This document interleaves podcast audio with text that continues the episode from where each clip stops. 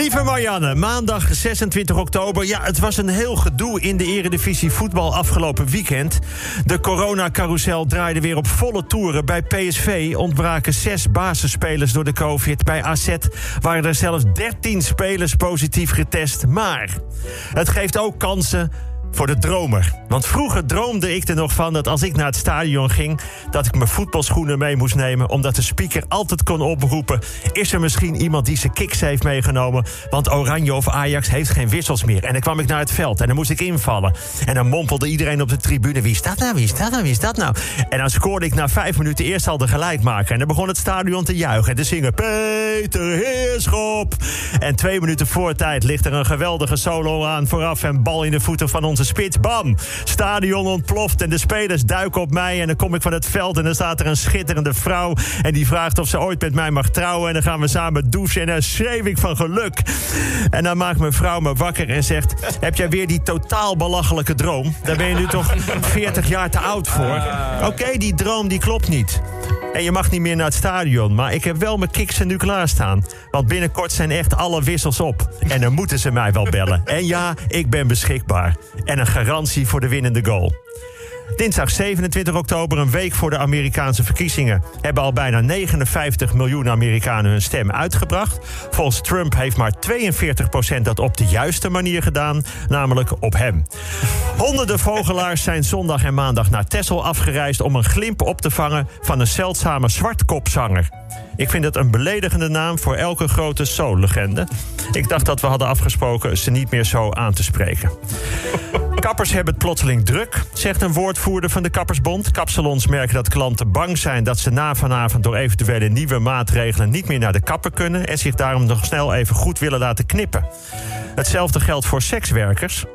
Die krijgen opeens heel veel klanten die zich ook nog even goed willen laten knippen. Nou, en zelf ben ik bang dat de cafés weer deels open mogen. Dus ik heb voor de zekerheid alles wat ik in huis weer opgesopen. Er is een enorme toeloop bij de opleiding tot doventolk. Dat wordt verklaard door het Irma-sluiseffect. Irma, die diepe indruk heeft gemaakt bij vooral de eerste corona-persconferenties. Irma, die het begrip hamsteren tot het gebaar van het jaar heeft gemaakt. Wie keek er nog naar minister-president Rutte? En, naar, en ik weet niet eens wie er nog meer naast stond, want ik keek alleen maar naar Irma. En oké, er mogen uh, geen supporters naar het stadion. Maar als ze er weer heen mogen, dan mogen ze nog niet schreeuwen en zingen. Maar dan mogen ze wel gebaren maken. En die moeten we leren van Irma. Het is toch indrukwekkend om zeg 15.000 mensen het Wilhelmus te zien gebaren. Ik ben alleen een beetje bang voor hoe ze de zin... ben ik van Duitse bloed gaan uitbeelden. maar denk aan 15.000 stadiongebaren bij... het is stil aan de overkant. Alles of niets, olé olé. Of uh, dingetje dingetjes, moeder heeft een snor. Ik denk zelfs dat iets met hoerenzoon... heel ontroerend kan zijn als het in het gebaren is. Allemaal dankzij Irma. Woensdag 28 oktober, er was gisteravond geen persconferentie, maar een persmoment. Een persmoment is hetzelfde als een persconferentie, maar in een andere ruimte. En het is iets korter, maar verder is precies hetzelfde. Alleen waren er nu maar 6 miljoen kijkers en het zijn geen Kim Jong-un-achtige getallen. Maar wat werd er gezegd? Er komen geen strengere maatregelen. Zeg maar hetzelfde wat de trainer van VVV zei in de rust in de wedstrijd tegen Ajax. De maatregelen lopen door tot december. Wat ook werd gezegd, vier Sinterklaas in kleine kring. Nou, dan ben je Sinterklaas. Besef dat je op die leeftijd enorm in de risicogroep zit. Neem niemand op schoot en spoed, eh, spoel elke keer tussen de bezoeken goed je baard uit. Twee weken geleden was er een persconferentie. Toen zeiden ze, we kijken twee weken aan. Nou, die waren twee weken om. En toen zeiden ze, ja, na twee weken kun je niks zeggen. Maar goed, we doen het ook heel slecht, hè. Van Europa doen maar twee landen het corona-technisch slechter. Tsjechië het allerslechtst, maar dat komt door de naam. Als ze vragen waar je vandaan komt, dan zeg je... Tsjechië. Ja, dan spuug je iemand gewoon vol in zijn bek. In Afrika gaat het het slechtst met Tjaat. En in Azië gaat het vooral slecht met Tjatsikistan.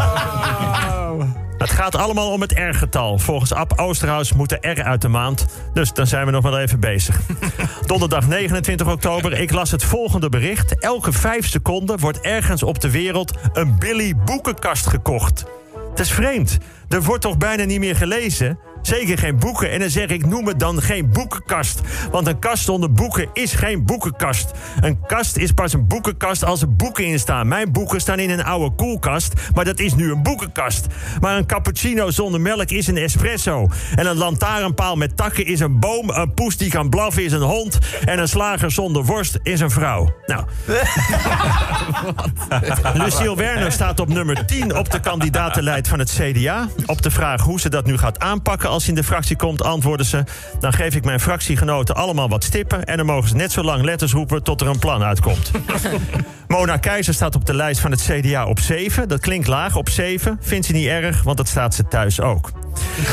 De eerste snelteststraten gaan eind november open. Lijkt laat, maar tijdens de coronatest zetten ze gelijk je nieuwe winterbanden eronder. Nou, door een fout van Kamerlid Stineke van de Graaf van de coalitiepartij ChristenUnie... heeft een nipte meerderheid van de Tweede Kamer dinsdag voor een forse structurele verhoging van de salaris van zorgmedewerkers gestemd.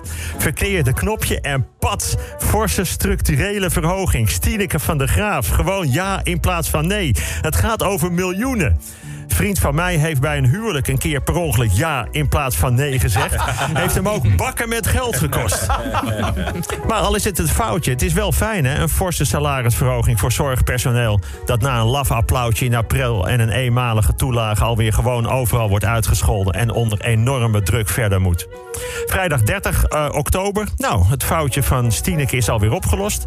De regering legt de motie naast zich neer. De zorg moet niet zo zeuren we hebben wel andere dingen aan ons hoofd. Bijvoorbeeld zorgen dat de zorg het een beetje volhoudt. nou ja. Kijk, ik ben normaal gesproken geen fan van de tandarts. Ik heb nogal wat trauma's van het verleden. Geloof me, ik kom nog uit de tijd van de schooltandarts. Voor kinderen uit arme gezinnen. Daar werd een kies gewoon uitgeboord met een Black Decker. Een wortelkanaalbehandeling met een rioolontstopper. En voor het trekken van een verstandskies werd je met een snoer aan een trekhaak gebonden. Het was die tijd. Daarna heb ik veel goede tandartsen gehad. Echt goed. Maar toch, zo'n praktijk. Hè. Altijd alles wit. En die geluiden. En altijd die spanning in de wachtkamer. Maar nu ben ik bij een ander soort praktijk. Alles is anders.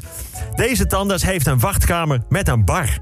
Kun je gewoon iets bestellen. Koffie, bier, zeg het maar.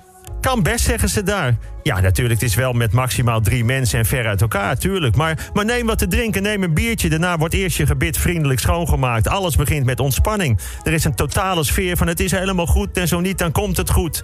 En dan bedoel ik niet dat er dentist-clowns lopen. Er wordt gewoon hard en zorgvuldig gewerkt. En je gaat er anders heen. Maar het is dus open met een bar. En vanmiddag ga ik er weer heen voor mijn halfwekelijkse controle. nou, tot volgende week.